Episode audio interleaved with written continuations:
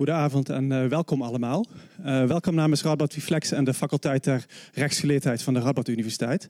Um, ik wil even beginnen met twee korte vragen. En de allereerste vraag is, wie heeft zijn belastingaangifte 2018 al ingevuld en opgestuurd? En wie heeft daarbij uh, met een belastingadviseur of zelf geprobeerd om vooral zo weinig mogelijk belasting af te dragen? Zijn een stuk minder handen. Ik waardeer uw eerlijkheid. Um, het heeft niks met belastingontwijking van grote multinationals te maken, maar wel een beetje met de thematiek van vanavond. Maar dat zal later deze avond blijken. Um, Texas, Texas, Texas. All the rest is bullshit. Deze woorden van uh, Rutger Bregman uh, gingen de wereld over toen hij deze woorden uitsprak tijdens het World Economic Forum in Davos. Um, hij wilde eigenlijk een simpele boodschap overbrengen. De allerrijksten moeten stoppen met belasting ontwijken en een eerlijke deel gaan betalen. Um, het probleem is niet nieuw. Dit probleem was, is eigenlijk ook een tijd geleden al opgedoken bij de Panama Papers en de Paradise Papers. Wat wel nieuw is, is dat vorige maand uh, het Europese parlement uh, Nederland naast een aantal andere Europese lidstaten voor het eerst op een lijst heeft gezet van vermeende belastingparadijzen. Um, Gerard Meus heeft mij verteld dat Nederland die uitspraak aan, aan het vechten is, maar er zijn wat geluiden richting, um, steeds meer kritische geluiden richting Nederland als belastingparadijs. Um, dit roept allerlei vragen op. Um, hoe kan het bijvoorbeeld dat multinationals op grote schaal belasting ontwijken? Uh, hoe zit dat bijvoorbeeld juridisch? Daar gaan we het vanavond onder andere over hebben. In hoeverre werkt de politiek dit probleem in de hand? Uh, waarom is belastingontwijken eigenlijk problematisch? En ook waarom ontwijken we, op welke manier ontwijken we zelf eigenlijk allemaal belastingen? Denk bijvoorbeeld aan tanken over de grens of andere dingen. Uh, wat zegt dit over onze eigen houding ten opzichte van belasting betalen? Um, en het roept eigenlijk ook nog een andere vraag op, misschien een meer filosofische vraag. En die vraag is van, wat is eigenlijk de reden waarom we belasting betalen? Wat is de essentie van belasting betalen? En hoe kunnen we hierover denken? Um, over deze thematiek gaan we het vanavond hebben. Het programma bestaat in een drietal lezingen. We beginnen met een lezing van hoogleraar belastingrecht Gerard Meuzen. En hij geeft een lezing over de juridische kant van belasting ontwijken. Uh, politicoloog Indra Rumges, uh, verbonden aan de Radboud Universiteit en Roskilde University, uh, geeft een lezing over de rol van nationale overheden en de macht van multinationals en belastingadviseurs bij de totstandkoming van belastingontwijking. En nog een aantal andere thema's die ze ter sprake brengen. Um, en de filosoof Bruno Verbeek, verbonden aan de Universiteit Leiden, geeft een lezing over de politiek-filosofische onderbouwing voor belastingheffing. Um, dit zijn de drie lezingen van vanavond. Daarna gaan de drie sprekers in gesprek met uh, filosoof Matthijs van der Zanden, uh, verbonden aan de Radboud Universiteit. Um, mijn naam is Dave Willems, ik ben programmamaker bij Radboud Reflex. Ik wens jullie een fijne avond en ik wil graag Gerard Meusen naar voren roepen.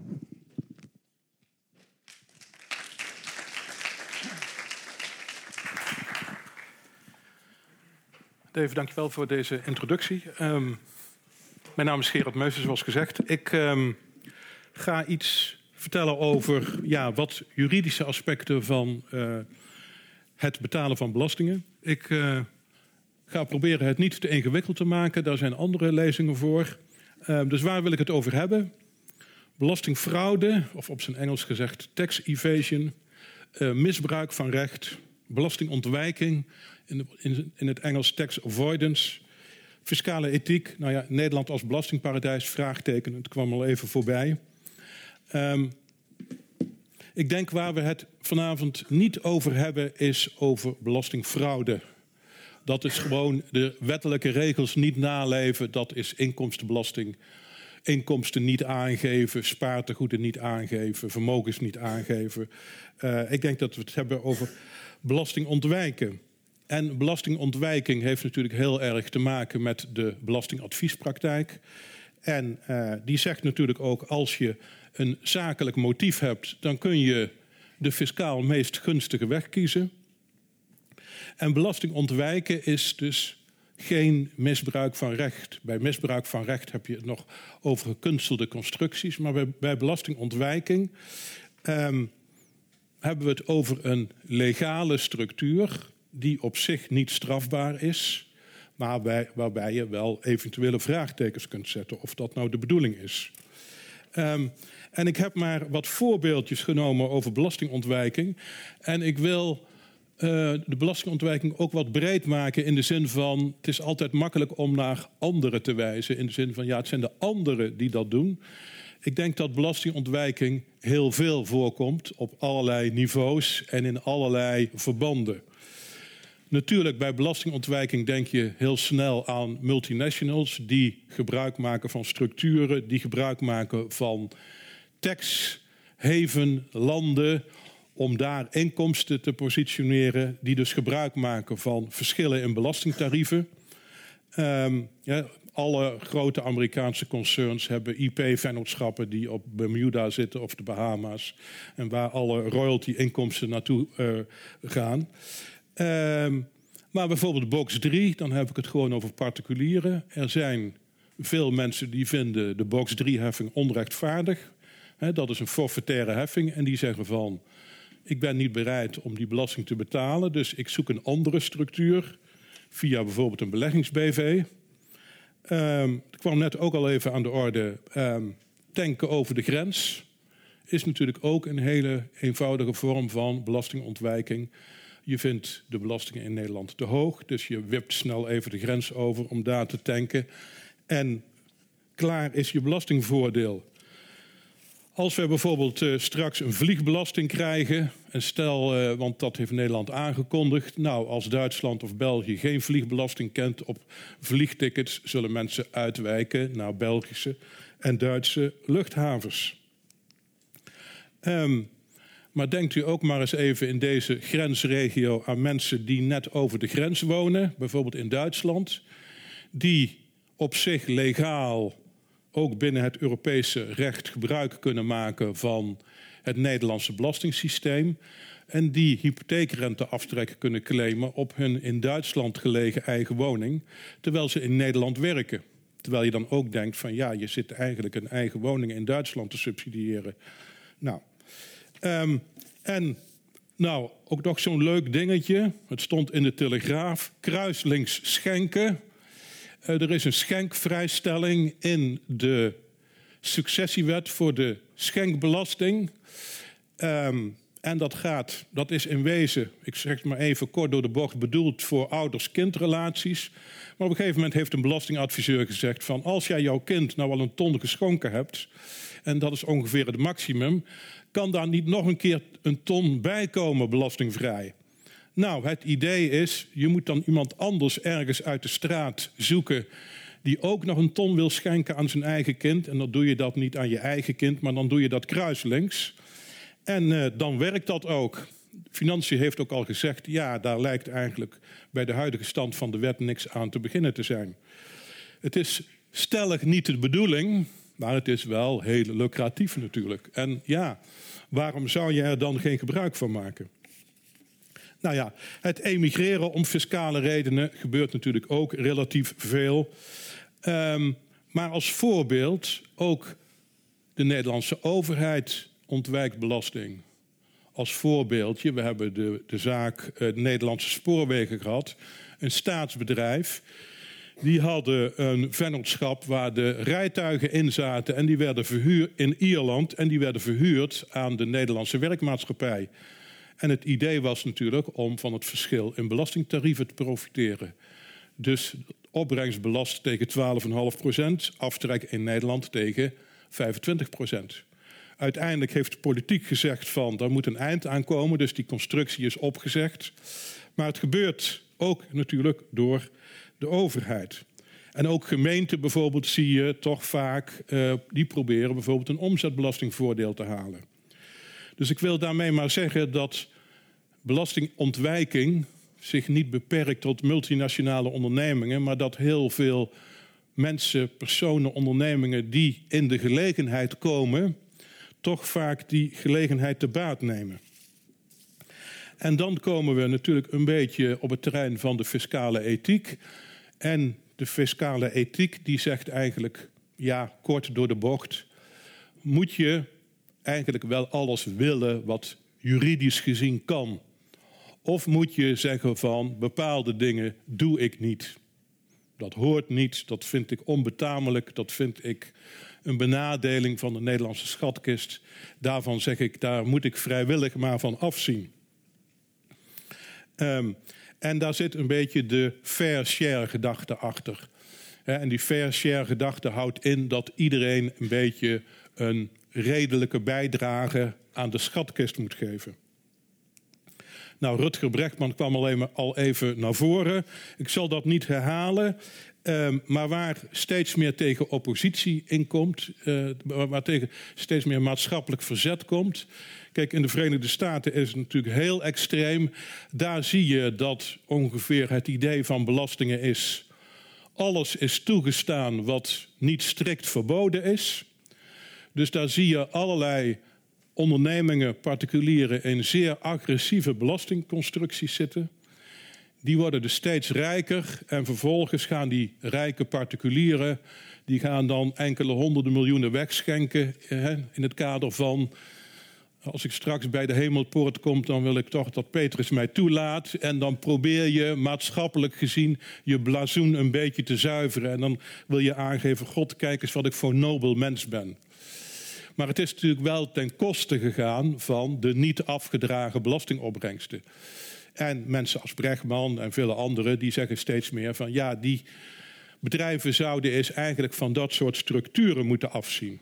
In plaats van uh, uh, dat soort semi-filantropie. Um, de hardliners, want er zijn natuurlijk ook heel veel hardliners, uh, die zeggen van God, uh, ja, waarom doen mensen nou zo mysterieus over belastingen?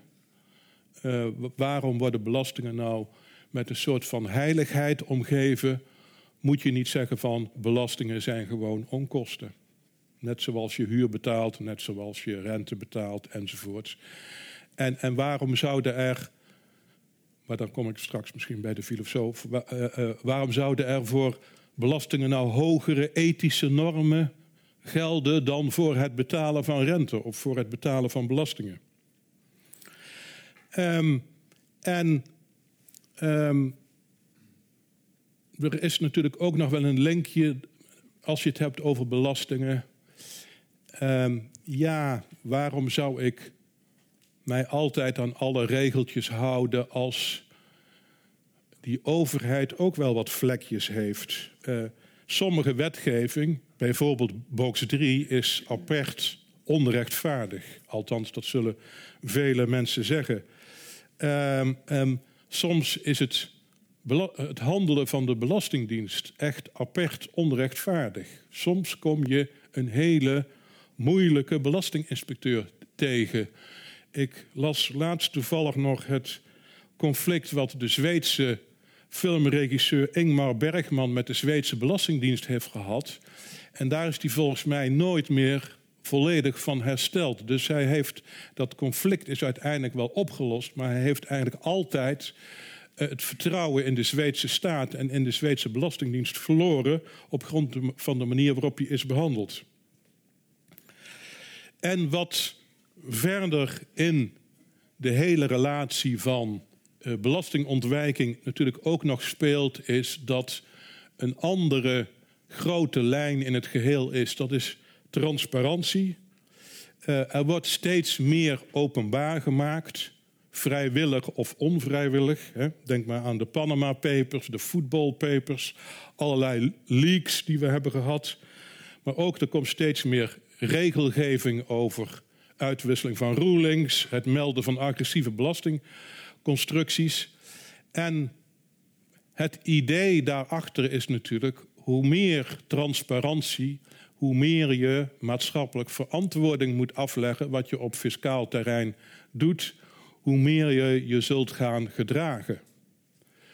Vroeger was alles geheim. 30 jaar geleden niemand wist wat er op belastinggebied gebeurde. Maar dat zie je langzaam een beetje opengaan. Um, ja, is Nederland nou een belastingparadijs? Um, ja, daar kunnen we al een hele avond over vullen. Uh, het Europees Parlement vindt van wel. Paul Tang van de Partij van de Arbeid, die in het Europees Parlement zit, die heeft uiteindelijk uh, het voor elkaar gekregen. Um, eh, staatssecretaris Snel van Financiën die heeft, eh, die heeft natuurlijk officieel een oekase doen uitgaan dat in de visie van het kabinet Rutte Nederland geen belastingparadijs is, ook ten onrechte in dat verhaal van, de Europese, van het Europese parlement voorkomt. Um, ik heb overigens ook wel een beetje, maar dat zullen misschien anderen nog wel uh, verder uitduiden. Als je kijkt naar het Nederlandse fiscale beleid, dan krijg je ook wel een beetje de indruk van. Ja, het is een beetje enerzijds, anderzijds. Van, we vinden wel dat we misbruik moeten bestrijden en dat vindt de Nederlandse overheid ook. Maar overigens staat de Nederlandse overheid er ook voor de BV Nederland en voor het Nederlandse bedrijfsleven. Dus het is, het is een beetje van, ja, we willen wel het een en ander doen, zeker voor de publiciteit, maar het moet ook weer niet te veel zijn, want dat willen we eigenlijk ook weer niet. Um, ja, ik denk, uh, als je het hebt over het tegengaan van belastingontwijking, um, uiteindelijk raakt ons dat natuurlijk allemaal persoonlijk. Kijk het is natuurlijk makkelijk om naar de ander te wijzen en zeggen van ja, dat is een grote belastingontwijker, maar wat doe je nou eigenlijk zelf? Mijn vrouw zegt altijd tegen mij: het gaat er niet om wat je zegt, maar wat je doet. Van, uit je eigen actieve handelen, daaruit blijkt uh, wie je bent. Want ja, praten zonder verplichtingen is uh, wat erg vrijblijvend. Um, dus um, het is zo dat belastingontwijking nou eenmaal, het is ook iets van alle tijden. Hè.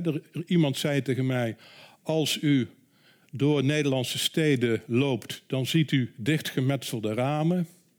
Heel lang geleden hadden wij een ramenbelasting. Die telde het aantal ramen, dus wat gingen mensen doen? Die gingen ramen dichtmetselen om op die manier belasting te besparen. Dus belastingontwijking is er altijd geweest en zal er waarschijnlijk ook altijd zijn, omdat het nou eenmaal een menselijke drijfveer is. Um, en ik vrees, naast bij de bestrijding van belastingontwijking, denk ik, ja, is het ook bijna onontkoombaar dat er steeds meer fiscale regels zullen komen en dat er steeds meer complexiteit in de fiscale wetgeving komt om, allerlei, om maar allerlei zaken tegen te gaan. Uh, om twee uh, dingen te noemen. Uh, er is een initiatiefwetsvoorstel om de liquidatieverliesregeling aan te scherpen. Uh, voor de ingewijden. En vanmorgen hoorde ik toevallig op de radio dat Partij van de Arbeid een wetsvoorstel wil indienen om een digitale tax in te voeren. Vanuit het idee, als Europa niks doet, dan moeten wij in Nederland maar vast beginnen. Dus er zal ook een belangrijke ontwikkeling liggen op het terrein van de fiscale wetgever en de politiek. Nou, andere discussiepunten uh, die komen wellicht in de loop van de avond nog aan de orde. Dus dit was een beetje mijn inleidend juridisch betoog over belastingen en belastingontwijking.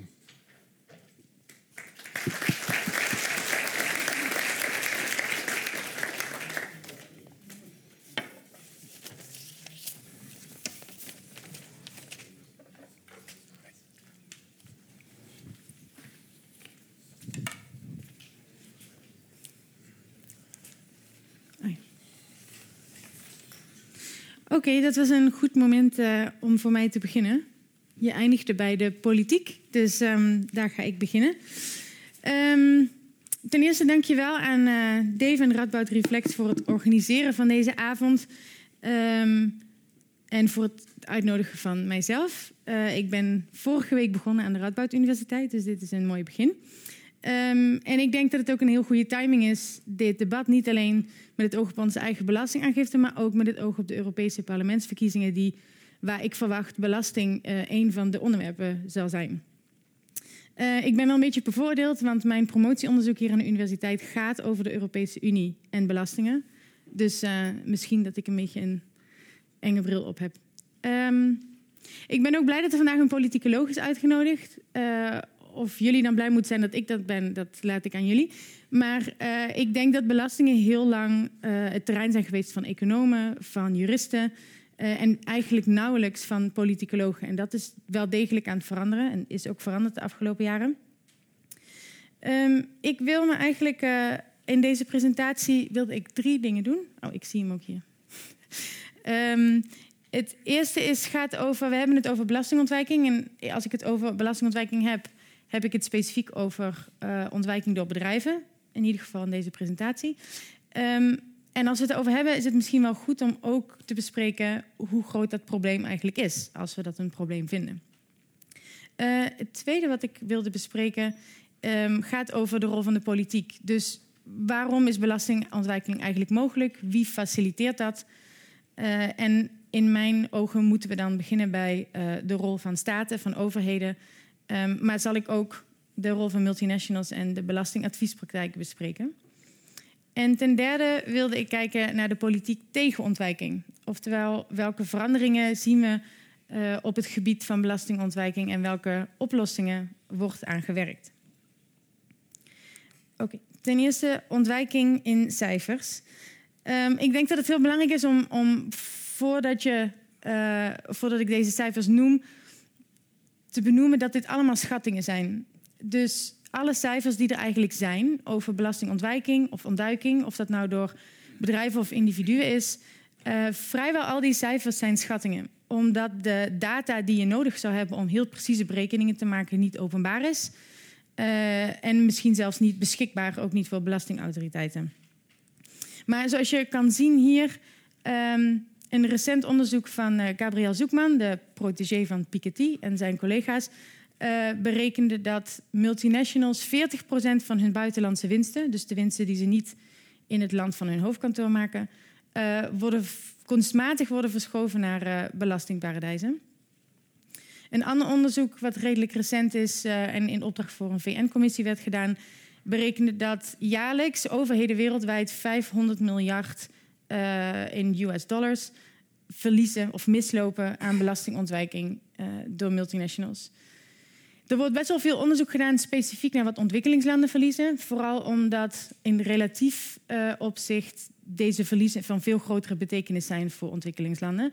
Het percentage um, van de totale belastinginkomsten, het percentage vennootschapsbelasting ten opzichte van alle belastinginkomsten is vaak veel hoger dan in bijvoorbeeld Nederland of in andere landen in de EU. Uh, dus de UNCTAD berekende bijvoorbeeld een paar jaar geleden dat, uh, dat ontwikkelingslanden gezamenlijk 100 miljard per jaar mislopen. Um, en een specifiek onderzoek voor de Europese Unie heeft het over 150 miljard aan ontwijking jaarlijks. Dit geeft je een idee van de uh, orde in grootte waar je aan moet denken. En je kan ook zien dat die cijfers best wel een beetje uit elkaar liggen. En dat heeft dus ook te maken met welke methoden ze gebruiken, welke databases zich op baseren en welke definities ze hanteren. maar goed, als we dus een idee hebben van wat is dat, hoe groot is dat probleem eigenlijk, waar gaan we dan kijken naar wie er verantwoordelijk is of waar de oplossing moet liggen? Um, en de volgende quote laat mij altijd een beetje zien dat we misschien niet per se bij multinationals moeten beginnen. Uh, dus dit is een quote van uh, Erik Schmidt, die toen CEO van Google was. En die werd gevraagd naar Google's ontwijkingspraktijken uh, richting Bermuda. Een hele hoop van hun winst eindigde in, onbelast in Bermuda. Dus hij zegt: I'm very proud of the structure that we set up. We did it based on the incentives that the governments offered us to operate. It's called capitalism. We are proudly capitalistic. I'm not confused about this. Um, vaak krijg je dus dat soort antwoorden van multinationals als ze worden aangesproken op gedrag wat publiek immoreel uh, of, of zelfs niet legaal zou vinden. Um, maar we houden ons aan de wet. Dus wat is dan het probleem? Ik denk dus dat het daarom ook goed is om te kijken ten eerste naar degene die de wetgeving opstellen, naar overheden. En um, om dat te doen wilde ik het eigenlijk hebben over uh, iets wat we belastingcompetitie noemen. Uh, belastingcompetitie betekent eigenlijk dat uh, landen met elkaar concurreren voor specifieke investeringen en dat ze belasting als instrument daarin gebruiken. Je ziet, um, dat is ook direct gerelateerd aan het belastingtarief. En dan heb ik het natuurlijk specifiek over het vennootschapsbelastingtarief. En uh, hier zie je een plaatje van het IMF. En dit loopt van 1980 tot 2018. Je hoeft niet specifiek te kunnen lezen wat er staat. Ik denk dat de trend in ieder geval wel duidelijk is. Uh, zowel in lage als middel als hoge inkomenslanden, zowel in OESO-landen als niet-OESO-landen, um, daalt uh, in de afgelopen 20, 30 jaar het vennootschapsbelastingtarief best wel fors. Het hoogste cijfer daar is iets rond de 45 en het eindigt allemaal zo rond de 20, tussen de 20 en 25. Um, als je kijkt naar de EU specifiek, daar gaat mijn onderzoek natuurlijk over, zien we eenzelfde trend. Dit, deze periode is 2003-2018, dus dat is de laatste uh, 15 jaar. Um, en ook daar zie je een daling uh, van de tarieven. En tegelijkertijd zie je ook dat uh, de druk op de belastingdruk op arbeid een beetje stijgt of ongeveer hetzelfde blijft in diezelfde periode. dus je ziet daar een tegengestelde ontwikkeling eigenlijk. En ik denk dat het belangrijk is om te ontnoemen, omdat, uh, om dat te benoemen, omdat belastingontwijking door bedrijven natuurlijk heel raakt aan, een, uh, uh, aan het concept van ongelijkheid. Er is een ongelijk, het leidt tot een ongelijkheid tussen landen, tussen arm en rijk, het vergroten van ongelijkheid tussen kapitaal en arbeid um, en, het, en ongelijkheid tussen grote en kleine bedrijven. Waarom zien we eigenlijk die belastingcompetitie? Nou ja, landen, overheden bevinden zich in een, uh, in een economie die steeds meer globaliseert, waarin grenzen zijn opgegooid, uh, uh, liberalisering plaatsvindt en waarin kapitaal steeds mobieler wordt, of in ieder geval steeds grotere fracties van kapitaal mobiel, mobieler worden. Daaronder zit de assumptie dat als je belasting verlaagt, dat ook leidt tot meer investeringen. Um, vanuit die assumptie zien we ook in Nederland zie je dat heel duidelijk de nadruk op uh, een, aantrekkelijk uh, vestigingsklimaat, um, op het competitief maken van ons land. Zoals Gerard ook noemde, uh, de BV Nederland, de staat wordt eigenlijk een soort bedrijf die in concurrentie is met andere staten. Uit wetenschappelijk onderzoek blijkt overigens dat uh, zijn best wel tegengestelde conclusies over of het inderdaad tot meer investeringen leidt. En dan helemaal of die investeringen dan ook leiden tot meer werkgelegenheid, wat vaak het argument is om belastingen te verlagen. Um, dus in die context van belastingcompetitie moeten we ook het bestaan van belastingparadijzen zien. En uh, die worden vaak verschillend benoemd en er zijn verschillende definities voor. Uh, wat ik hier eigenlijk wilde benoemen is dat um, we zien het vaak uh, als een soort lijst van belastingparadijzen die allemaal met elkaar concurreren. Uh, terwijl die concurrentie vaak heel. Uh, terwijl het eigenlijk vaak meer gaat om specialisatie. Dus er wordt door een klein clubje, clubje landen wordt geconcurreerd op een heel specifieke sector of een heel specifieke groep van investeringen. Waardoor er eigenlijk een soort netwerk van belastingparadijzen of offshore centers ontstaat.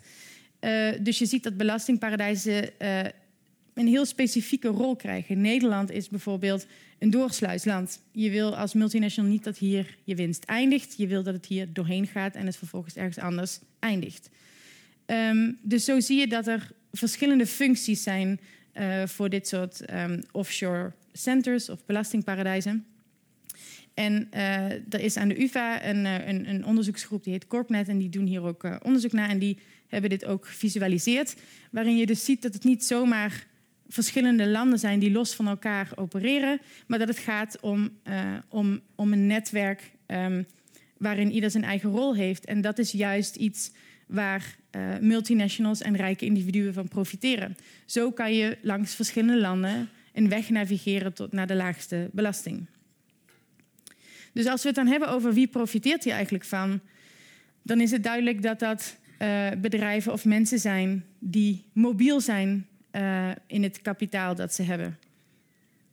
Um, dus als we nu uh, weten wat, uh, hoe groot het probleem is en waar dit deels vandaan komt, dan moeten we toch weer terug naar de rol van multinationals. We kunnen ze niet helemaal weglaten. Um, en er is weinig onderzoek eigenlijk gedaan naar wat nu de daadwerkelijke invloed is van multinationals op belastingbeleid.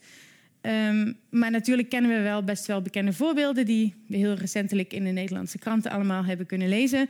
Uh, waarin je heel duidelijk ziet dat die grote bedrijven soms overheden bijna in hun broekzak hebben. Je denkt natuurlijk aan Unilever en de afschaffing van de dividendbelasting. Uh, maar ook aan uh, Shell, die deze week in het nieuws was. met de ruling die ze hebben over een dividend access mechanism. Wat ze in ieder geval honderden miljoenen per jaar bespaart. Um, daarnaast heb ik zelf ooit onderzoek gedaan naar de rol van VNO en CW. Uh, en uit uh, documenten die we toen via een WOP-verzoek verkregen bleek dat zij uh, ontzettend regelmatig om advies worden gevraagd eigenlijk door het ministerie. En waar er zelfs in termen werd gesproken als in dat moeten we even afstemmen met VNO-NCW voor het naar de Tweede Kamer gaat. Um, dus in die zin zijn er zeker wel voorbeelden waarin heel duidelijk die, die macht blijkt. Um, en die we natuurlijk ook wel uh, in de krant gewoon kunnen lezen. Een wat ik hier wilde benoemen is de specifieke rol voor de belastingadviespraktijk. En daarmee uh, bedoel ik accountants en advocaten, uh, in Nederland trustkantoren, andere corporate service providers. Um, waar die eigenlijk nog meer een soort van in de schaduw opereren en waarbij het nog lastiger is om te, te zien wat is nou hun invloed op de, op, op de ontwikkeling van het belastingbeleid dat wij hebben. Um, een voorbeeld van onderzoek is van een NGO die in Brussel gebaseerd is, de Corporate Europe Observatory. En zij hebben gekeken naar hoeveel geld geven dit soort uh, bedrijven nou uit aan lobby in Brussel. In welke expertgroepen zitten ze allemaal? Wat voor draaideurtechnieken zie je tussen die Europese instituties en uh, die, uh, de, vooral de, de, de, Big Four accountants? Um, en zij kwamen tot de conclusie dat er een heel duidelijke verstrengeling is van die sector en de Europese overheidsapparaat. Um, vanuit hier wilde ik eigenlijk naar het derde stuk gaan, want we hebben nu uh, al twee of drie keer Rutger Brechtman voorbij horen komen. Um, er is inderdaad verandering in het publiek debat. En uh, Rutger Brechtman is absoluut niet de eerste of alleen daarin. Maar blijkbaar werkt het als je een blonde Nederlandse jongen bent om dan uh, viral te gaan.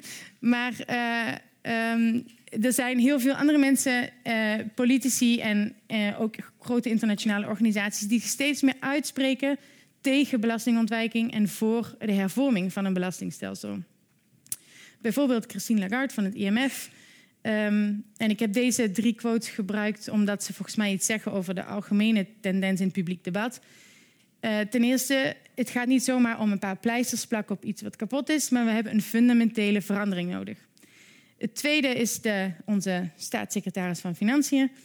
Um, die zegt, er moet ook iets veranderen in Nederland. En inderdaad, niet te veel, maar wel een beetje. Uh, en daarmee zie je de internationale druk die is ontstaan op landen als Nederland en andere om echt verandering uh, te bewerkstelligen. En de derde is Margrethe Vestager, de eurocommissaris voor competitie. Die zaken is uh, aangespand over de belastingbetalingen van Starbucks en IKEA, Amazon, Fiat en Nike. Um, en zij laat heel erg zien de rol uh, van het concept van fairness, van eerlijkheid uh, en rechtvaardigheid in belasting betalen, die we ook de laatste jaren steeds meer in dit debat terug zien komen. Dus er is een duidelijke verandering in discours hierover. En die wordt ook gereflecteerd in de politiek en in onderhandelingen die je ziet. Dus dit is niet alleen maar lege woorden, er gebeurt ook wel iets. Um, ik wilde ten slotte uh, ingaan op wat er gebeurt uh, op Europa. Want als je het hebt over dat laatste punt, wat zijn de veranderingen of onderhandelingen die plaatsvinden nationaal, regionaal en internationaal? Ik denk dat je daar een hele serie aan lezingen over nodig hebt. Um, uh, daar worden ook vakken over gegeven. dus ik wilde alleen even ingaan op wat er in, in de EU gebeurt, heel kort. Daar zie je ook een heel duidelijke verandering in hoe er over gesproken wordt. Dus waar eerst het belastingbeleid van de EU vooral ging over... je moet geen dubbele belasting betalen. Dus als jij inkomen hebt wat gegenereerd wordt in Frankrijk...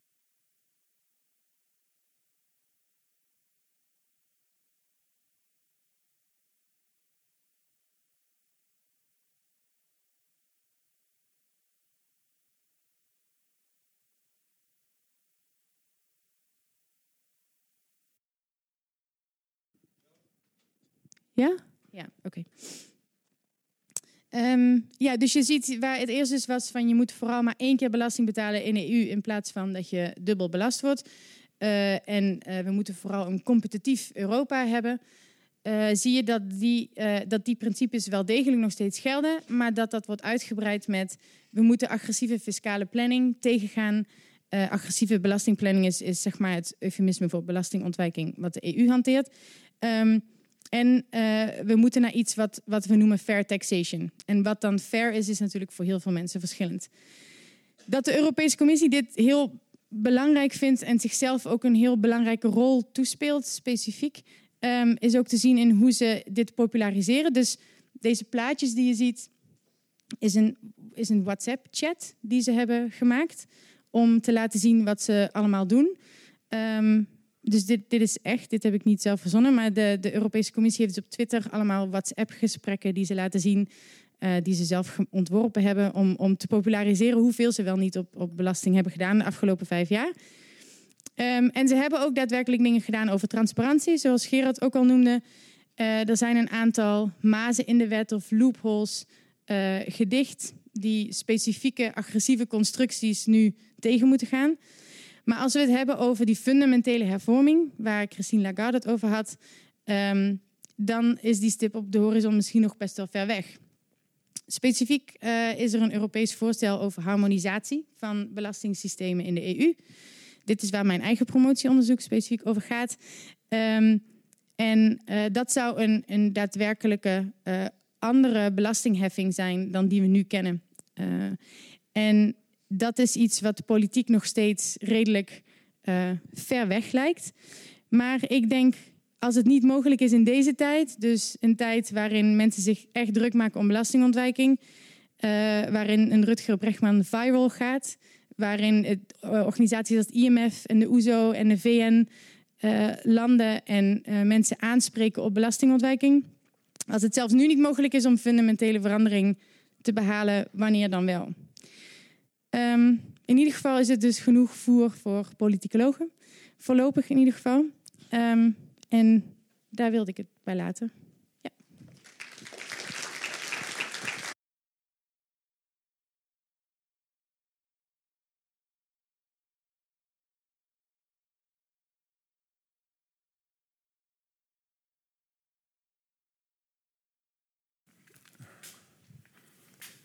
Goedenavond, werkt dit? Ik hoor mezelf niet, het zal wel goed gaan. Uh, allereerst dank uh, dat ik hier uh, mag staan.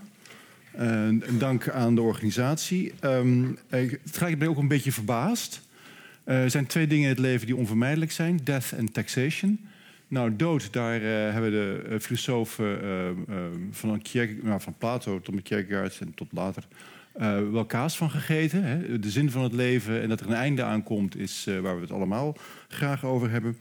Uh, fiscaliteit en filosofie is een soort alliteratie die je zelden tot nooit tegenkomt. En ik denk eigenlijk dat het een beetje onterecht is. Um, en, um, ja. En ik wil daarom eigenlijk iets gaan vertellen over hoe je als filosoof aan zou kunnen kijken naar onze belastingmoraal. En waarom we überhaupt belasting zouden moeten betalen. En ik denk dat dat ook iets vertelt over uh, dat vervelende spul van taxfraude, uh, belastingontwijking, uh, belastingplanning, mitigatie. Um, vooraf, ik ga het juist niet zozeer hebben over de Apples en de Googles van deze wereld, maar over um, mezelf en mensen zoals ik.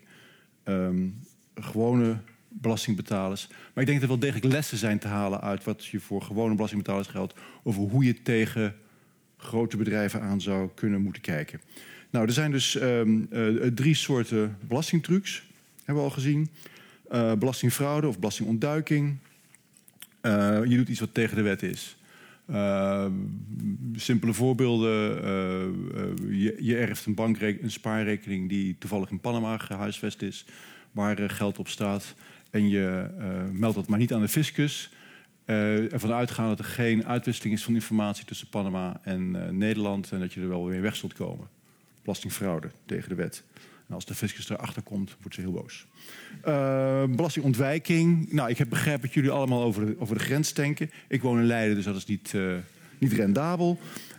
maar daar is er een ontzettende huizenbubbel aan de gang.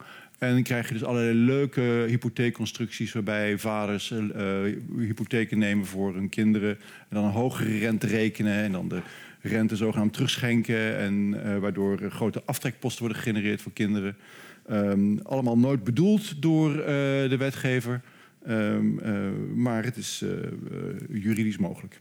en tenslotte, um, ja, soms heet het belastingplanning. Soms heet het uh, gerechtvaardigd gebruik van fiscale instrumenten. Ehm, eh,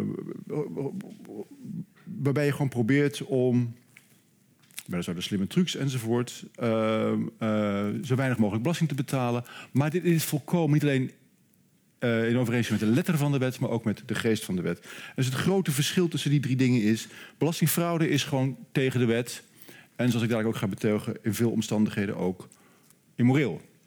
Uh, belastingontwijking is uh, conform de wet, maar dat was nooit de bedoeling. dit heb je zo niet bedoeld. ten slotte belastingmitigatie of, of gewone belastingplanning. Dat is wettelijk toegestaan en vaak ook expliciet conform de bedoelingen van de wetgever. Nou, hoe moet je daar nou als uh, simpele ethicus tegenaan kijken? ik stel voor dat we eens even gaan nadenken over wat belasting überhaupt is. Uh, nou, ik heb in een uh, heel donker, lang geleden verleden heb ik bestuurskunde gestudeerd. Ik was 18, ik wist niet beter, het spijt me. en daar kreeg ik ook het vak openbare financiën. Um, het enige wat ik daarvan heb, echt heb onthouden is een formele definitie van belastingheffing. En die ging ongeveer als volgt. Belasting is een verplichte, gedwongen bijdrage van burgers en of bedrijven aan de overheid, waar geen rechtstreekse individuele contraprestatie tegenover staat en die krachtens algemene regels wordt gevorderd. Het was een variant van deze definitie, maar ik wil een paar elementen even eruit lichten, uh, want die vragen om filosofische reflectie. Dus de eerste is dat dit kennelijk gaat om een verplichting van de kant van de burger. Als je wordt belast, is het niet alleen maar zo dat er wordt geld gepakt. Uh, je wordt het ook geacht dat je dat moet doen dat het fatsoenlijk is dat je dat doet. Um, vervolgens is het ook interessant dat uh, de overheid zich allerlei dingen aanmeet. Ze mogen dat met dwangmiddelen doen. Als je je belasting niet betaalt, krijg je een boete. En als je die niet betaalt, ga je de gevangenis in. En als je je daar slecht gedraagt... Uh, nou ja, laat maar niet verder gaan. Um, het, verder, het derde wat opvalt is dat belastingheffing... is dus bij uitstek niet Zoiets als dat je naar de winkel gaat en 1,50 euro neerlegt en daar een brood voor terugkrijgt. Het is een bijdrage, maar ik kan. En het is een bijdrage aan al die prachtige publieke goederen en diensten die de overheid levert. Maar ik kan niet zeggen, nou, dat stukje weg, daar heb ik voor betaald. Goed voor mij dat jullie over mogen rijden. Dat andere juist van de buurman. Nee, het is, het is, het is van allemaal. En dat komt omdat het gros van de goederen en diensten die de overheid levert zijn uh, publieke goederen. In de, in de meest ruime zin van het woord. En het laatste wat ik ook nog even wilde uh, noemen is dat belastingheffing is een juridisch instrument. Het, is, het, is, wetgeving. En ik denk dat de keuze van het instrument ook, met ook bepaalde beperkingen en verplichtingen en principes met zich meebrengt. Oké, nou. Uh, laten we met het eerste beginnen. Belastingheffing legt verplichtingen op.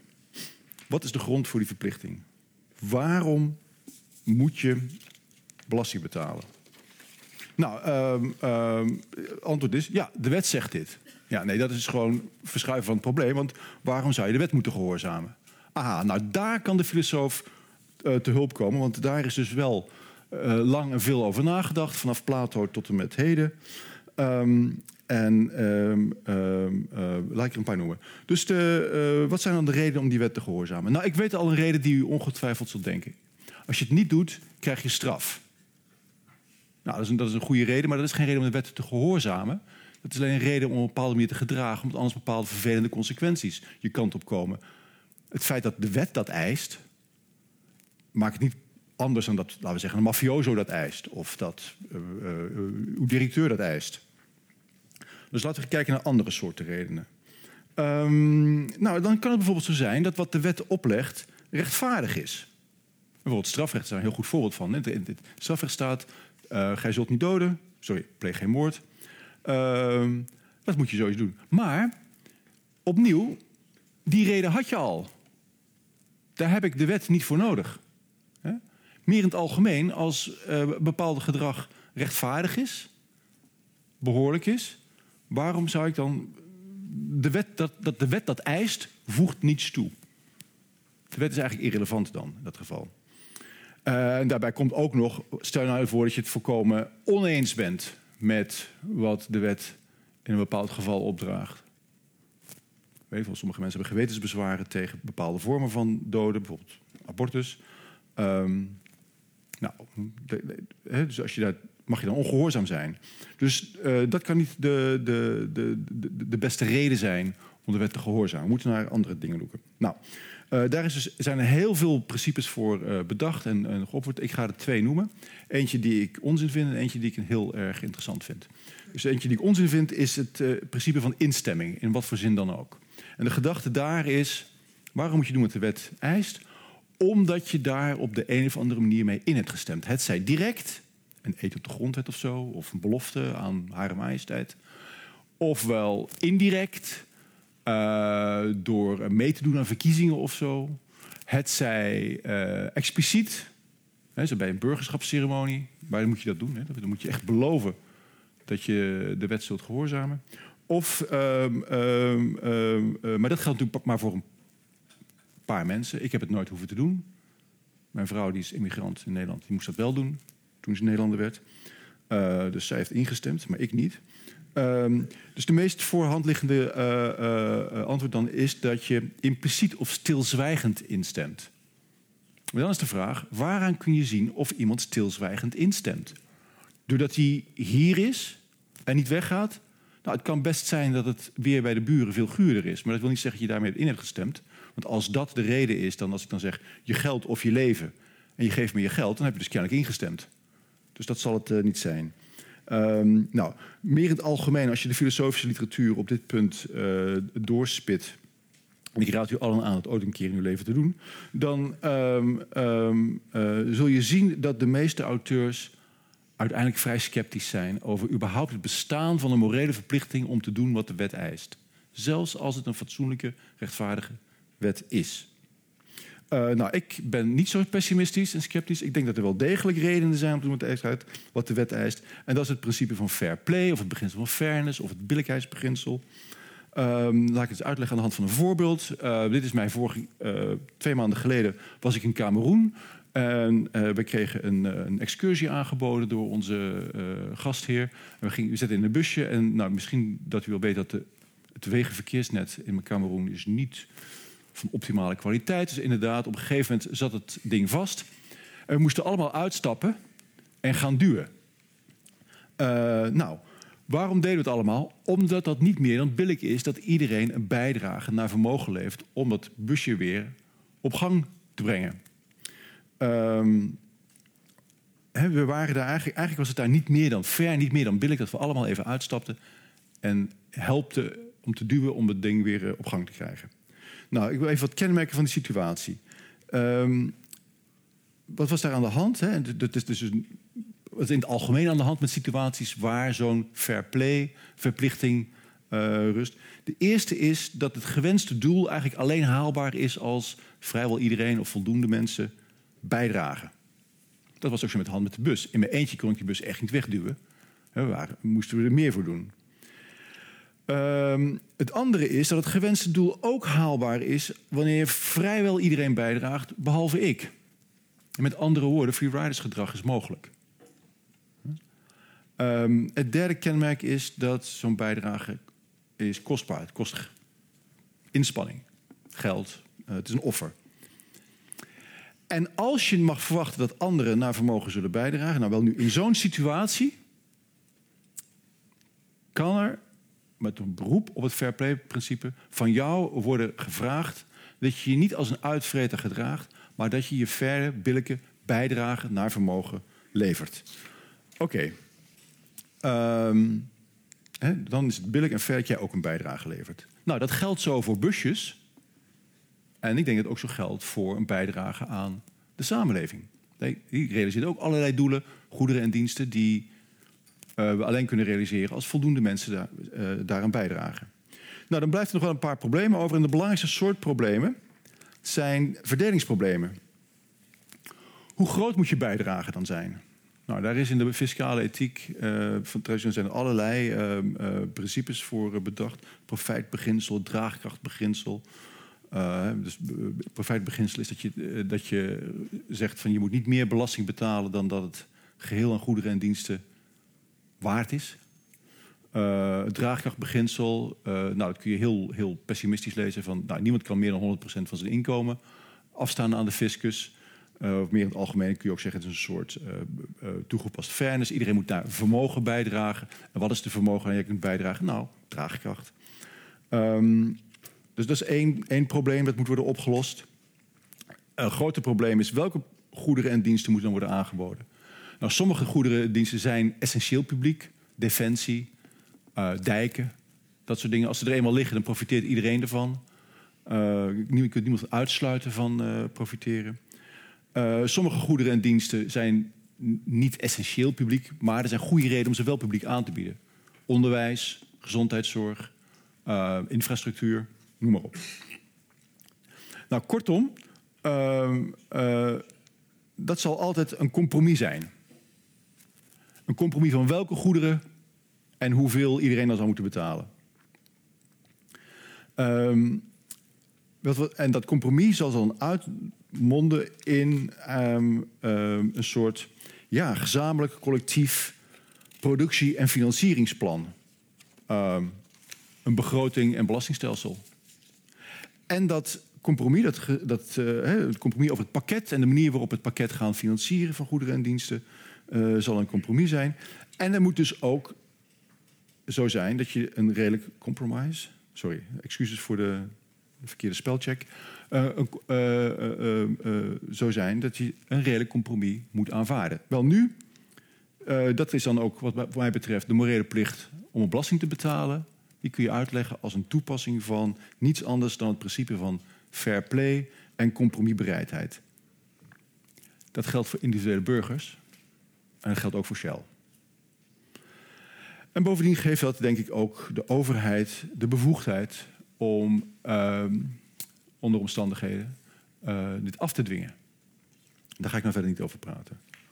Uh, Oké, wat voor consequenties heeft het nou voor de belastingmoraal?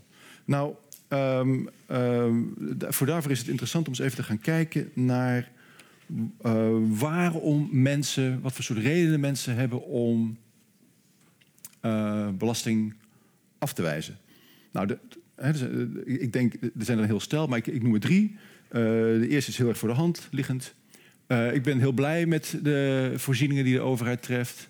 En de publieke goederen die ze aanbieden. En het prachtige zorgstelsel en onderwijsstelsel dat we hebben. Maar ik wil er niet voor betalen. Ik, wil, ik ben een freerider. Nou, het is duidelijk dat het principe op van fair play en compromisbereidheid... dat type gedrag um, bij voorbaat verbiedt.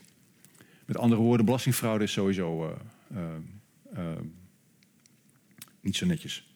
en dat zal dus ook gelden voor sommige vormen van belastingontwijking. Oké, dat is één. Maar ehm, het kan ook zo zijn dat ehm, er onzekerheid bestaat over de bijdrage van anderen. Misschien leef je wel in een omgeving, in een stad, een plek waarin nou, uh, een hele goede is bijvoorbeeld hondenbelasting. In veel gemeenten moet je hondenbelasting betalen. Um, maar het is natuurlijk moeilijk om uh, na te leven. En dus, uh, als je het idee hebt dat je buurman ook geen hondenbelasting betaalt... en dat het niet individueel is, maar dat iedereen dat doet... ja, dan ben je gekke Henkie om wel hondenbelasting te gaan betalen. Het principe van fair play staat het in principe ook toe. Net zoals ik niet kan, van mij kan worden geëist in mijn eentje het busje te gaan duwen als niemand anders het doet. Hè, kan ook niet van mij worden geëist dat ik in mijn eentje belasting ga betalen als niemand anders dat doet. Sowieso wordt het gewenste doel dan niet uh, behaald en uh, ik, ik, breng een offer wat zinloos is. Um, maar let op, hè, uh, we zijn over het algemeen erg goed om de, was het de balk in mijn, nee, was het de, de, de splinter in het oog van de buurman te zien maar de balk in mijn eigen oog niet. Er is een ontzettende bias wat dat betreft. Een bias die overigens in de hand wordt gewerkt doordat het belastingssysteem zo complex is en zo moeilijk is. Ik woon in een rijtjeshuis, naast mij woont een ZZP'er. Die heeft een prachtige auto. Waar hij het van doet, weet ik niet. Uh, want hij, zijn belastingssituatie is een hele andere dan ik. Um, um, zou hij wel belasting betalen? Zou hij als een gek aan het ontwijken zijn? Dat weet ik niet. Maar dan een bias, om dat maar het zeker voor het onzeker te nemen. Het zal wel een boefje zijn. Ehm, eh, laat ik me ook als een boefje gedragen, want immers, ik wil geen gekke Henkje zijn. Ehm, en er kan nog een derde reden zijn, bijvoorbeeld je dat uh, uh, het productie- en financieringsplan van de overheid om andere, bijvoorbeeld principiële redenen, afwijst. een paar jaar geleden, of twintig jaar geleden, zo oud ben ik al, twintig jaar geleden, had je defensiebelastingweigeraars. Dat waren principiële pacifisten die vonden dat het pakket van goederen en diensten dat de overheid aanbood, dat dat zodanig gemankeerd was dat ze er eigenlijk niet gedwongen konden worden aan bij te betalen. In de metafoor van het busje, het was alsof het busje de verkeerde kant op ging. Waarom moet ik dan helpen duwen? We willen die kant helemaal niet op. En dus wat deden zij? Uh, zij uh, keken naar, ik geloof dat het beslag van, van de, defensie op de begroting was iets van 3%. Dus Drie, uh, ze probeerden voor zover dat konden 3% van hun belasting uh, niet te betalen. En een apart fonds, weet ik veel, voor het, het, IKV of zo te storten. nou, die zijn flink aangepakt, die mensen. maar het principe van fair play en het principe van compromisbereidheid laat zien dat er omstandigheden zijn, ik weet niet of dat de juiste omstandigheden zijn, waar dat inderdaad een gerechtvaardigde reden is om geen belasting te betalen. Oké, en ook hier uiteraard een bias. Hè? Het is natuurlijk heel gemakkelijk om te zeggen: ja, maar het zou toch veel beter. We geven nu. Uh, nu is de BTW 21% het hoogtarief. Het had 20% moeten zijn. Uh, dit belastingplan is onrechtvaardig. Daarom doe ik helemaal niet mee. Ik ga niet meer betalen. Dat is een soort self-serving bias die, uh, die er ook bij was. Oké. Um, nou, als die dan allemaal op een rijtje veeg. Dus stel dat het financieringsplan en het productieplan van de overheid redelijk is uh, dan, zijn, dan is uh, ontduiking en ontwijking, hè? ontwijken van belasting contra de bedoelingen van de overheid, van de wetgever, eigenlijk moreel gesproken onfatsoenlijk en verboden. Maar ontwijken is wel weer toegestaan, sterk nog ontduiken is zelfs toegestaan, als je zeker weet, maar dan ook echt zeker, dat het op grote schaal wordt ontdoken. Niemand kan van je eisen dat je in je eentje geen belasting betaalt. Uh, behalve uh, als je natuurlijk denkt dat om andere redenen het pakket van goederen en diensten en de financieringsplan een fatsoenlijk, rechtvaardig uh, plan is. als, je, als, er andere redenen zijn dan fair play om dit te ondersteunen, dan moet je dat vooral doen. En dat geldt dus ook voor onze vrienden van Shell en Google. stel dat het financieringsplan en de begroting enzovoort onredelijk is, hè, dan lijkt het erop dat er ook geen morele verplichting is om belasting te betalen. En dus dan zou de enige reden zijn om belasting te betalen dat die andere redenen, dat het uh, uh, um, um, de beste manier is om straf te vermijden. en of dat misschien dat, het, dat toevallig dingen in staan die je dan wel redelijk vindt. Nou, laat ik daar een beetje aan bijdragen. Maar niet die hondenbelasting, want die is onrechtvaardig, meneer. Um, maar opnieuw, mensen zijn geneigd tot bias, tot self-serving bias. Uh, in, dit geval, dat soort gevallen geven we ook de overheid de zwaardmacht om mensen te dwingen uh, uh, wel te betalen. Ik denk niet dat er in dat soort gevallen een echte plicht tot gehoorzaamheid is, hoewel het prudentieel wel verstandig is om mee te doen. En opnieuw, dit lijkt mij ook te gelden uh, voor multinationals. Nou, als je dit dus alles zo overziet, denk ik dat in landen zoals Nederland, liberale democratieën met een redelijk fatsoenlijke overheid, ehm, iedereen, u ik en Shell uh, zich in ieder geval aan de wet moeten houden. Zich ook uh, aan de bedoelingen van de wetgever moeten houden. Dus niet agressief plannen en moeilijke constructies verzinnen die uh, niemand voor mogelijk had gehouden om maar zoveel mogelijk belasting te ontwijken. En dat geldt voor ons en dat geldt voor Shell. Dat was het.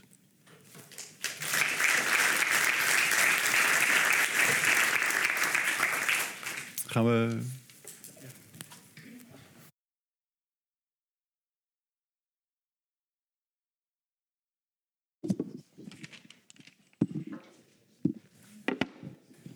Wil jij zitten? Ik, ga hier wel aan de rand. Dat is goed. Dankjewel. Goed. Goedenavond allemaal. Uh, mijn naam is Matthijs van Zanden. Ik ben uh, docent politieke filosofie aan deze uh, universiteit. En aan mij de eer om dit panel te mogen ondervragen naar aanleiding van jullie, jullie drie inleidingen. Um, ik wilde eigenlijk beginnen met uh, iets wat me opvalt in veel van de verhalen die ik tot nu toe gehoord heb. En, dat is, en, ook wat me opvalt in hoe we geneigd zijn om over het algemeen over belasting te spreken. Namelijk in eerste instantie als een verplichting. dat, dat blijkt ook met name uit, uit bijdrage aan het eind de, de, we benaderen belasting vaak als een verplichting. En ik ben zelf in ieder geval opgegroeid met de slogan. Ik heb, we hebben het nog gecheckt dus straks. Volgens mij wordt die nog steeds gebruikt. Uh, leuker kunnen we het niet maken, uh, maar wel makkelijker. Wat al impliceert, belasting betalen is niet leuk. We, vinden misschien, we zijn het er misschien mee eens dat we het moeten doen, maar het is niet leuk. Nu, de filosoof in mij vraagt zich dan eigenlijk af: waarom is dat eigenlijk zo? Waarom vinden we het zo vanzelfsprekend om belasting te benaderen als iets, belasting betalen te benaderen als iets wat niet leuk is. Je zou het ook om kunnen draaien. Je zou kunnen zeggen, het is een bijdrage die mensen leveren aan de publieke diensten bijvoorbeeld, maar meer in het algemeen aan het functioneren van de samenleving, al dan niet naar vermogen. En dat is juist iets wat bijzonder plezierig kan zijn. Het kan bijzonder plezierig zijn om een bijdrage te kunnen leveren.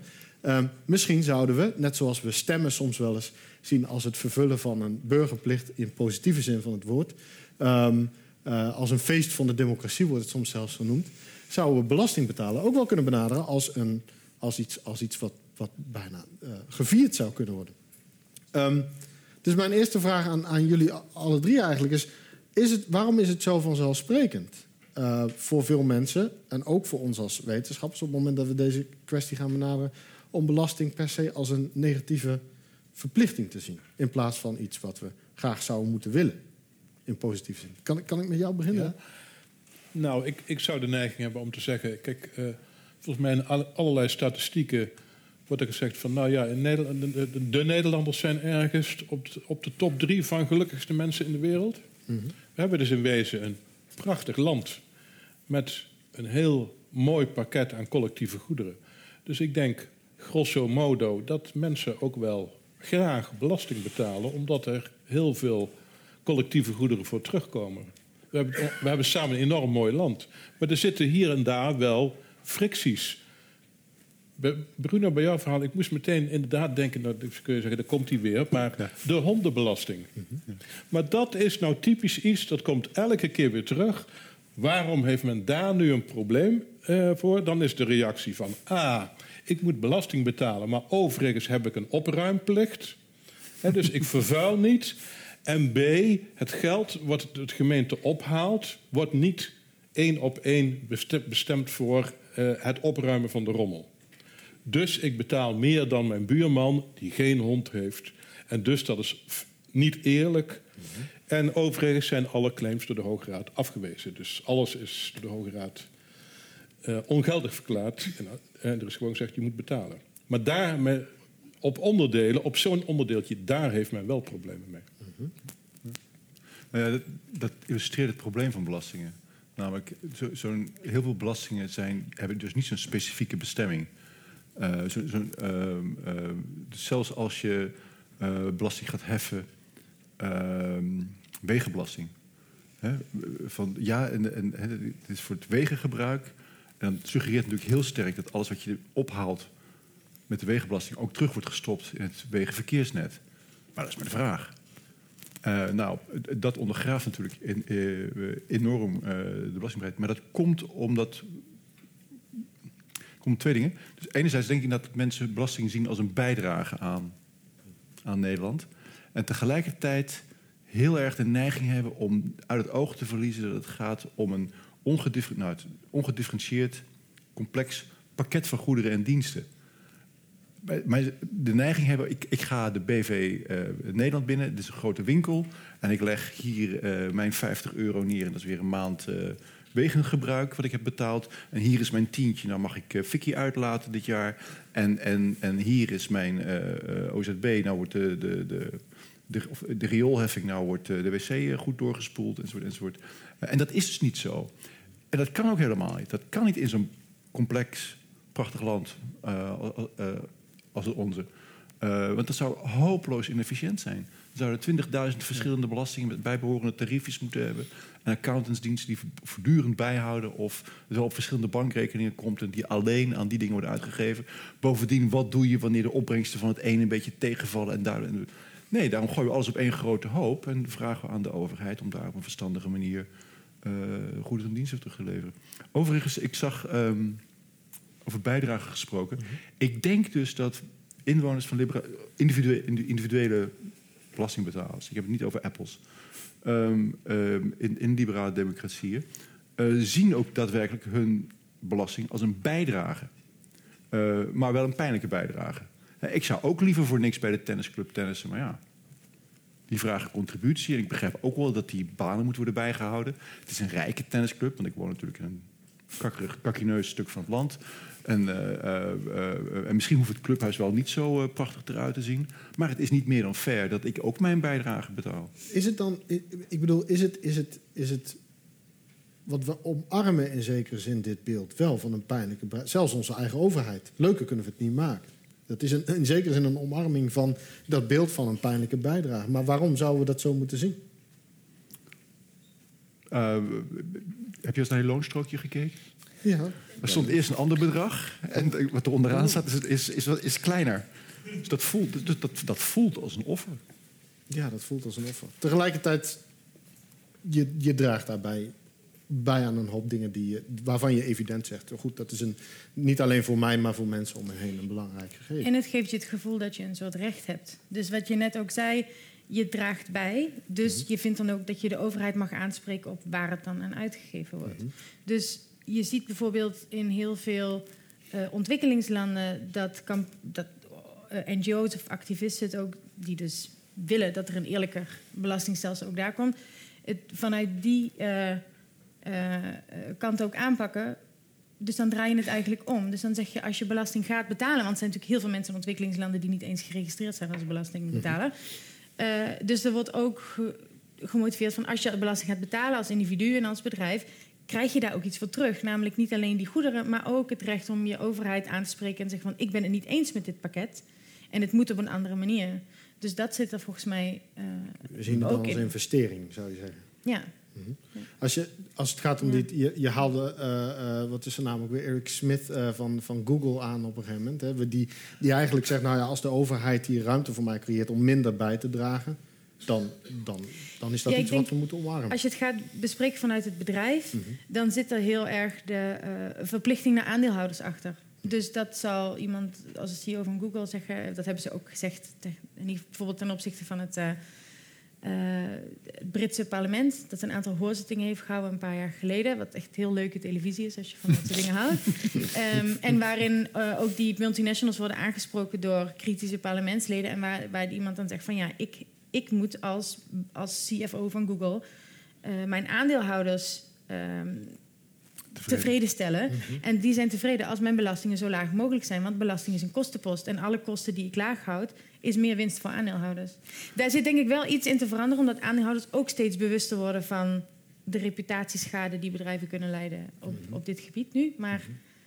Ja. Je ontneemt in dat geval iemand anders iets op je. Er is iets heel raars wat dat betreft bij bedrijven. Dus, dus, dus, dus laten we zeggen, individuele burgers hebben inderdaad zo'n soort fair play, billijkheidsmoraal. Dit is, is, is mijn indruk. Mhm. Eh, maar als je kijkt naar de Belastingdienst, de manier waarop ze burgers uh, de, de belastingaangifte controleren en dat bij bedrijven, nou, die hebben een veel hogere rapportageplicht en die kunnen ook regelmatig bezoek verwachten zeker als het een, een complexe, moeilijke uh, bedrijf is, van uh, ambtenaren van, van de fiscus.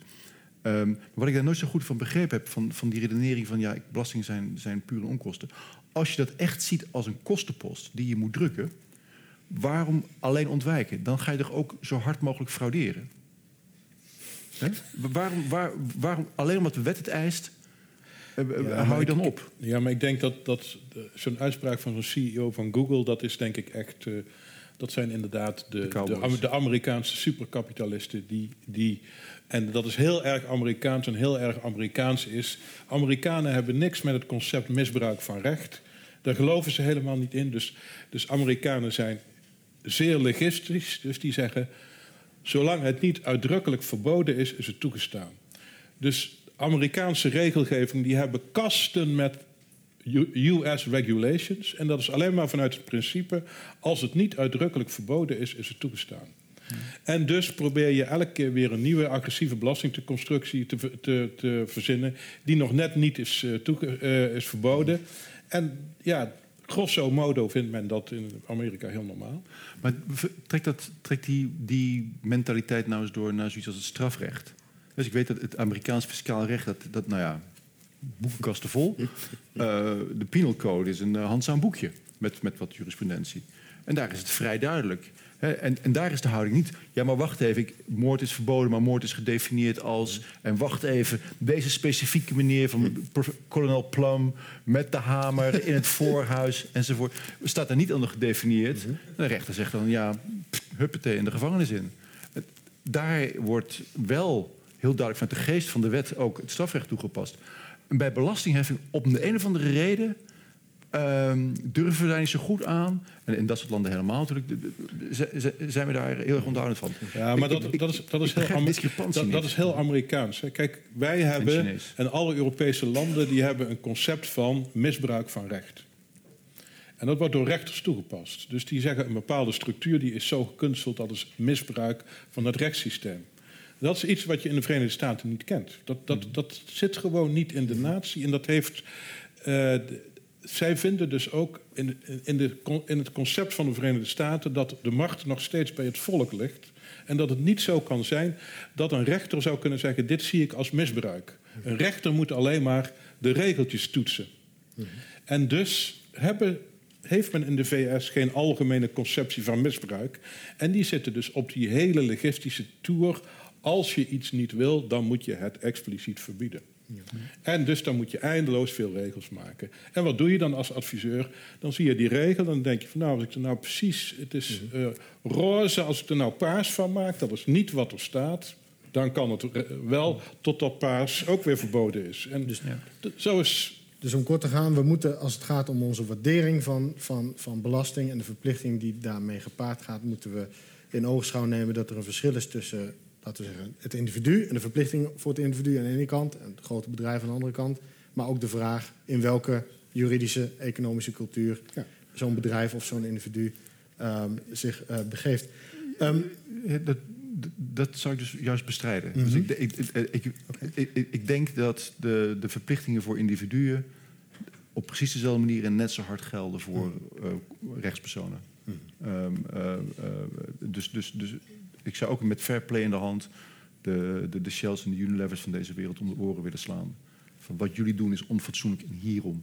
Ja, ja. Wat, wat zou jouw reactie? Ik bedoel, je, je had het er straks over de, de rationale, zeg maar, die er bij dit soort grote bedrijven achter uh, zit.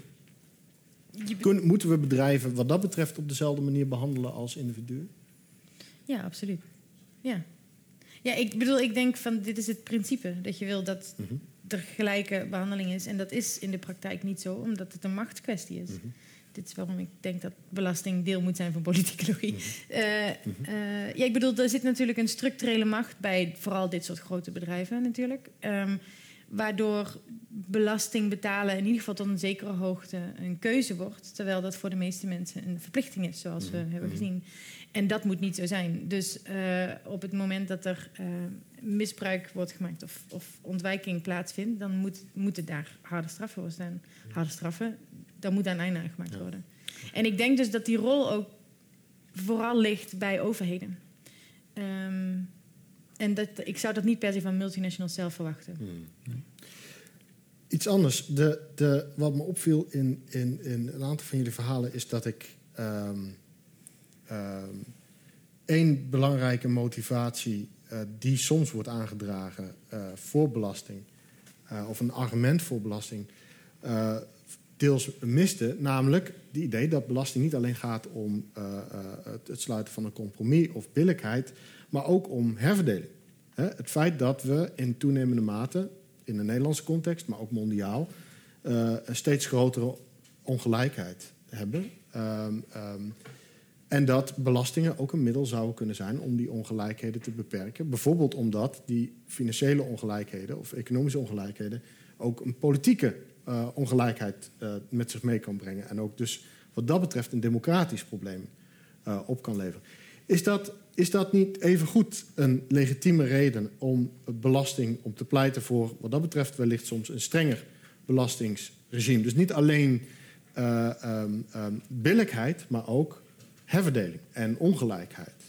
Um, zou je daarop willen reageren? Nou ja, ik zou zeggen, maar dan, ik moet misschien voorzichtig zijn uh, met wat ik zeg. Maar um, die inkomensherverdeling, dat lijkt me natuurlijk wel heel erg een politiek links standpunt. En we hebben natuurlijk, uh, nou ja, hoe lang hebben we in Nederland inmiddels al rechtse, dan wel centrumrechtse kabinetten? Natuurlijk al een hele lange periode. Dus het hele en dat is, zie je denk ik mondiaal, het hele idee van inkomensherverdeling door het belastingssysteem. Dat is natuurlijk heel erg op de achtergrond geraakt. Als ik dat tegen studenten zeg, die zeggen dan van... Waar gaat dit over? Wat is dit? Nooit van gehoord dat zoiets bestond. Als ik zeg van, nou, we hebben hier in, in Nederland... Nou, we hebben wel inkomstenbelastingtarieven gehad van... Nou, wat hadden we? 72, 80? 72. 72, ja. In ieder geval 72. Nou, als je dat tegenwoordig zegt, dan Oh, nou, kijkt men je aan van dat kan toch helemaal niet. 72% hebben we allemaal gehad. Maar dat is denk ik onder invloed van het politieke hmm. midden en rechts, in ieder geval in Nederland, maar ook in heel veel westerse landen, steeds verder op de achtergrond geraakt. Maar toch zien we, uh, Indra verwees daar ook nog naar, uh, de, de, de speech van uh, Rutger Bregman die viral ging, die had het wel degelijk daarover. En die verwees wel degelijk naar die motivatie. Wat, wat, wat is jouw mening daarover? Um, nee, je ziet dus nu ook in de VS dat uh, Elizabeth Warren, die nu presidentskandidaat is, maar uh, ook andere politici, dus over dit soort uh, teruggaan naar dit soort hoge tarieven, -hmm. dat ze daarvoor pleiten en dat daar dus ook heel veel gehoor en draagvlak voor is. Um, dus wat, wat, wat, was de vraag nu precies? De vraag was eigenlijk vooral: is het, is het, is het een, inderdaad een, een, een, legitieme, een legitiem argument voor belasting dat het een naast um, ja. eerlijke, ja goed, uh, naast alle billijkheidsargumenten die zijn aangedragen, dat het ook tot herverdeling leidt. Ja, ik denk het wel. En ik denk dat, dat we dat ook. Ik zou dat ook breder willen zien dan alleen binnen een land. Dus ik denk dat dat ook tot herverdeling kan leiden tussen landen. Um, want ik had het over belastingparadijzen eerder. En uh, die, dat netwerk van belastingparadijzen leidt ook tot ongelijkheid wereldwijd. Uh, dat een uh, land als Nederland, of nou wel of niet een belastingparadijs is, of hoe je dat wil noemen, uh, het onttrekt wel degelijk belastinginkomsten aan andere landen. En dat is ook een vorm van herverdeling um, waar ik denk dat er iets zou moeten gebeuren. Ja. Ik, ik, um, ik was vroeger ook een, net een socialist in de jaren zeventig, als woord. voor hoge belastingen en vond het vreselijk toen de VVD aan de macht kwam. Uh, ik begin er een beetje van terug te komen. Uh, niet omdat ik een kind van uh, mijn tijd ben, dat, maar um, het heeft te maken met, met de aard van. Kijk, het is, het is volkomen duidelijk dat als je belasting gaat heffen, heeft dat allerlei effecten. Het is echt niet zo dat het enige effect is dat we nou een potje maken waarmee we een weg en, en, en, en, en een begrotingssluiting kunnen maken. Er gebeuren ook allerlei andere dingen. Uh, uh, het heeft te maken met hoe je de lasten verdeelt. Het heeft te maken met uh, waar je het aan uitgeeft. Ga je het vooral een primair onderwijs uitgeven? Nou, dan profiteert iedereen, met name de onderklasse ervan. Geeft het alleen voornamelijk aan hoger onderwijs. Dan zijn het alleen maar mensen zoals ik die daar vooral van profiteren. nou, dat moet ook natuurlijk. Dus het, het, heeft allerlei effecten en verdelingseffecten. Dus het, het, is, het is naïef om, om, om te doen alsof dat, of dat niet zo is. Maar waar ik wel denk dat je een beetje voorzichtig mee moet zijn, is om zo'n juridisch instrument uh, uh, in te gaan zetten voor, uh, voor dit soort herverdelingspolitiek. Als je het ook op andere manieren kunt doen. Dus laat ik een voorbeeld geven. Um, stel, een bepaalde markt functioneert zo dat de kapitalisten 90% van de winsten krijgen en dat 10% naar hun werknemers komen. Je zou natuurlijk ook iets kunnen doen aan de manier waarop uh, uh, uh, ondernemingen georganiseerd zijn. Zodat je niet hoeft te gaan, achteraf te gaan herverdelen. Zeker met zo'n zo'n zo'n zo bland, zo'n botinstrument als belastingheffing. Wat bovendien uitermate inflexibel is. Want je hebt eenmaal een belastingmaatregel ingediend. Dan duurt het jaren voor je er weer vanaf komt. Dus het is vreselijk moeilijk en dan moet je allerlei overgangsregelingen maken. Het, dat moet je doen. Als het op een andere manier ook kan, uh, moet je het vooral doen. En als het bijvoorbeeld kan met behulp van inkomstensubsidies, eh, is het ook een hele, eh, hele aardige manier om te doen. Of als ik kan in de vorm van een basisinkomen, zou ik er ook niet echt tegen zijn. Dat lijkt me ook een prima, een, een prima idee. En het, ehm, eh, eh, het mooie is van al dat soort dingen, is dat die kun je ook verkopen onder het pakketje goederen en diensten die de overheid levert. Wat wij leveren is inkomensondersteuning voor kansarme groepen. Wat wij leveren is sociale zekerheid en te voorkomen dat eh eh, Vente van Vlissingen al te machtig wordt bij de eh, beslissingen van de financiële zaken en dat de gewone Nederlander ook mee mag praten. Moet je dat wel kunnen betalen natuurlijk. Nou ja, en, en, en, en daar ga je dus belasting voor heffen. Mhm. En, en hoe is het dat die journalist het zei? Eh, Oké, ik ga belasting heffen, eh, eh, waar zal ik het halen? Mhm. Oké, nou, zijn antwoord was, ik ga het bij de arme mensen halen. Niet omdat ze veel geld hadden, maar omdat er zo heel veel, van, heel veel arme mensen er zijn. Anderen hm, zouden het juist bij rijke mensen gaan halen en rijke ondernemingen waarschijnlijk. En dat lijkt me waarschijnlijk een betere uitkomst. Een van de, ik bedoel, een van de argumenten die, die iemand als, als bijvoorbeeld Thomas Piketty geeft voor, voor, voor ehm, mondiale belasting is natuurlijk ook dat het eh, dat rijkdom iets is wat zichzelf genereert en dat zichzelf in stand houdt. En dat het uiteindelijk niet alleen tot een eh, economische ongelijkheid leidt, maar ook dat het hebben van die rijkdom eh, mensen in een politiek bevoorrechte positie plaatst. Is dat niet. Ik bedoel, want je, hebt het dan niet alleen maar over het creëren van economische gelijkheid. Je hebt het ook over het creëren van een. het oplossen van een politiek probleem, om het zo maar te zeggen. Ja, eh, ja. ben ik het mee eens.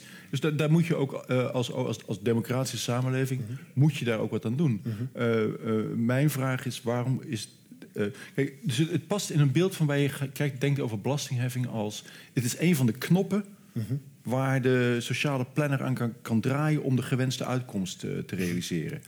Samen met allerlei andere knoppen. En ehm, eh, dat, is een, dat is een soort hele instrumentele benadering van, van belastingheffing. Eh, eh, morgen 10%, overmorgen 11%, dan weer 9%, whatever works best. En ik denk dat, dat je dat niet moet doen. Waarom niet? Het creëert nog complexere belastingwetgeving en het ondergraaft ehm, eh, ehm, eh, de belastingmoraal in de zin dat het niet langer duidelijk is dat wat ik aan het doen ben, is een bijdrage aan het leveren aan het probleem van goederen en diensten, inclusief inkomensondersteuning, inclusief eh, maatregelen gericht op het eh, realiseren van machts- en economische gelijkheid door de overheid, waar ik een bijdrage aan lever. Maar als die bijdrage puur instrumenteel wordt ingezet om nou, als ik soms een beetje harder en soms een beetje minder hard aan die bus moet gaan duwen, afhankelijk van waar de chauffeur naartoe wil, ja, daar. Ik wil, ik wil graag nog, nog één eh, kwestie aanstippen. En dat is de, uiteraard, daar is het al eerder over gegaan, de kwestie van het belastingparadijs. Ehm, de vraag, is Nederland een belastingparadijs? Ehm, kwam een paar keer voorbij. Maar ook vooral de vraag, mogen, we, mogen of willen we het zo noemen? Ehm, waarom, is, waarom is de... Ik, ik wil graag bij jou beginnen. Indra. Waarom is, waarom is die, eh, dat concept belastingparadijs zo'n heet hangijzer in deze discussie? De ik denk dat het vanuit Nederlands overheidsperspectief gezien, denk ik dat het vooral gaat om reputatie. Eh, je wilt niet bekend komen te staan als belastingparadijs. Bovendien heeft dat ook politieke gevolgen. Er zijn genoeg landen in de wereld die lijsten met belastingparadijzen bijhouden en daar ook consequenties aan verbinden. Dus bijvoorbeeld eh, als een bedrijf daar naartoe eh, geld verschuift, dan, eh, dan lopen ze een belastingvoordeel in dat land mis, want het gaat naar een belastingparadijs. Dus je wil niet op zo'n lijstje komen te staan. Eh, er zijn een paar goede voorbeelden van hoe belangrijk dit is voor Nederland. In 2009 noemde Obama Nederland een belastingparadijs. Dus een enorme diplomatieke ruil. En de dag erna werd het ingetrokken, expliciet. Ehm, de tweede is een Tweede Kamermotie die een paar jaar geleden is aangenomen. Volgens mij onder leiding van de PVV. Waarin werd gezegd, we moeten Nederland geen belastingparadijs meer noemen. In ieder geval niet in deze Kamer. Dus dat is eigenlijk een soort van rare vorm van zelfcensuur. Die motie is aangenomen. Eh, dus het is, het is blijkbaar van heel groot belang. Ook al gaat het eigenlijk... eh, omdat het ook politieke consequenties heeft, denk ik. Ehm, ja, wat mij betreft... eh, ik weet niet... het- het- mij persoonlijk maakt het eigenlijk niet zo heel veel uit... of we Nederland belastingparadijs noemen of niet.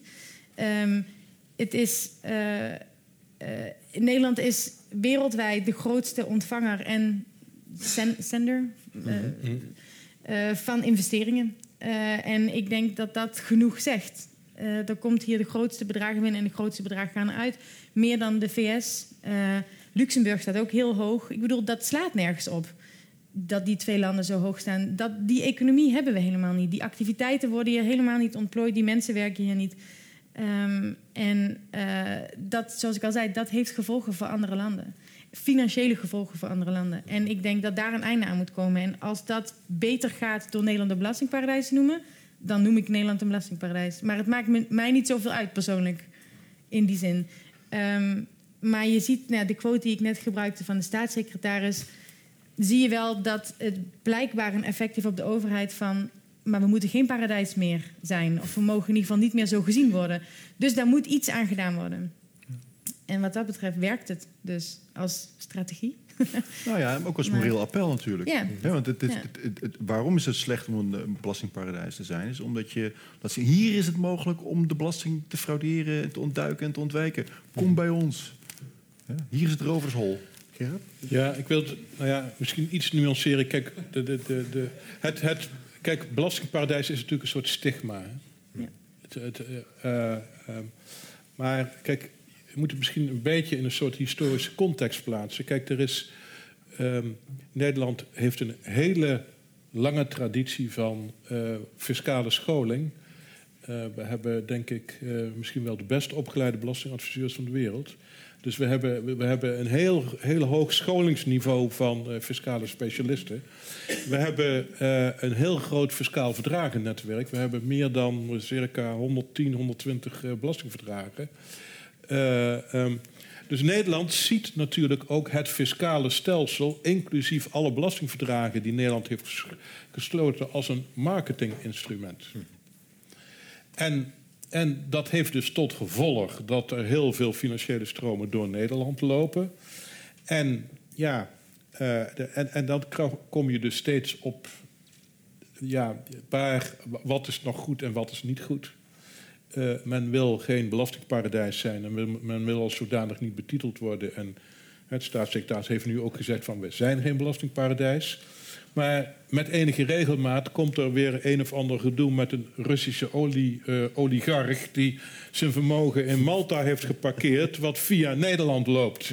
En dan komt Nederland weer in beeld en dan heb je dus weer imago-schade. En dus het is een beetje constant laveren tussen we willen die industrie niet opgeven, maar we willen ook de, de, de, de, de, extreme kantjes ervan afhalen. Er is nog een, eh, dat, dat zei je ook in je, in je, in je praatje, nog een, nog een probleem met het zijn van een belastingparadijs.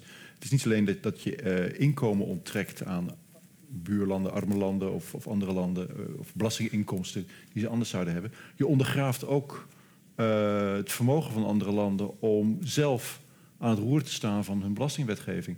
Dus um, um, een student van mij had een, voorbeeldje dat um, Duitsland wil op een gegeven moment uh, 10% uh, belasting heffen op uh, rendement over dus spaarrente. en in Nederland is dat forfaitair, is het 4%.